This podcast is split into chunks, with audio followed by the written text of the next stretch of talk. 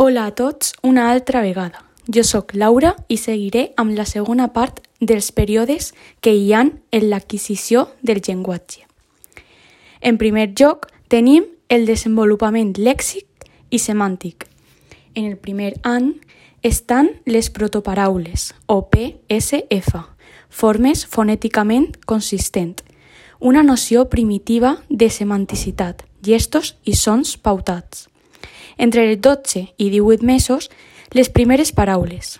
Alguns autors, com Nelson, parlen de frase prelèxica, fins que els infants produeixen uns 50 mots, que és la comprensió del llenguatge descontextualitzat i expressió referida al context.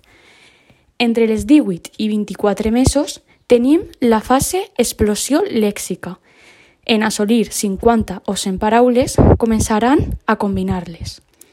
Entre les 24 i 30 mesos es troba la fase semàntica. En principi, la comprensió de paraules i frases va per davant de la producció. Amb el temps, el desfasament comprensió-expressió desapareixerà. En el segon lloc tenim el Desenvolupament de morfologia i sintaxi. Entre les 12 i 18 mesos tenim la etapa d'un mot o holofràstica, frases d'una sola paraula. S'utilitza un únic símbol lingüístic. Entre les 18 i 24 mesos tenim la etapa de combinació de mots o parla telegràfica. S'utilitza més d'un símbol lingüístic. Entre les 24 i les 36 mesos tenim la etapa de productivitat parcial. S'utilitzen els marcadors morfològics i sintàctics sense generalitzar-se. Per últim, a partir de 3 anys tenim la competència adulta.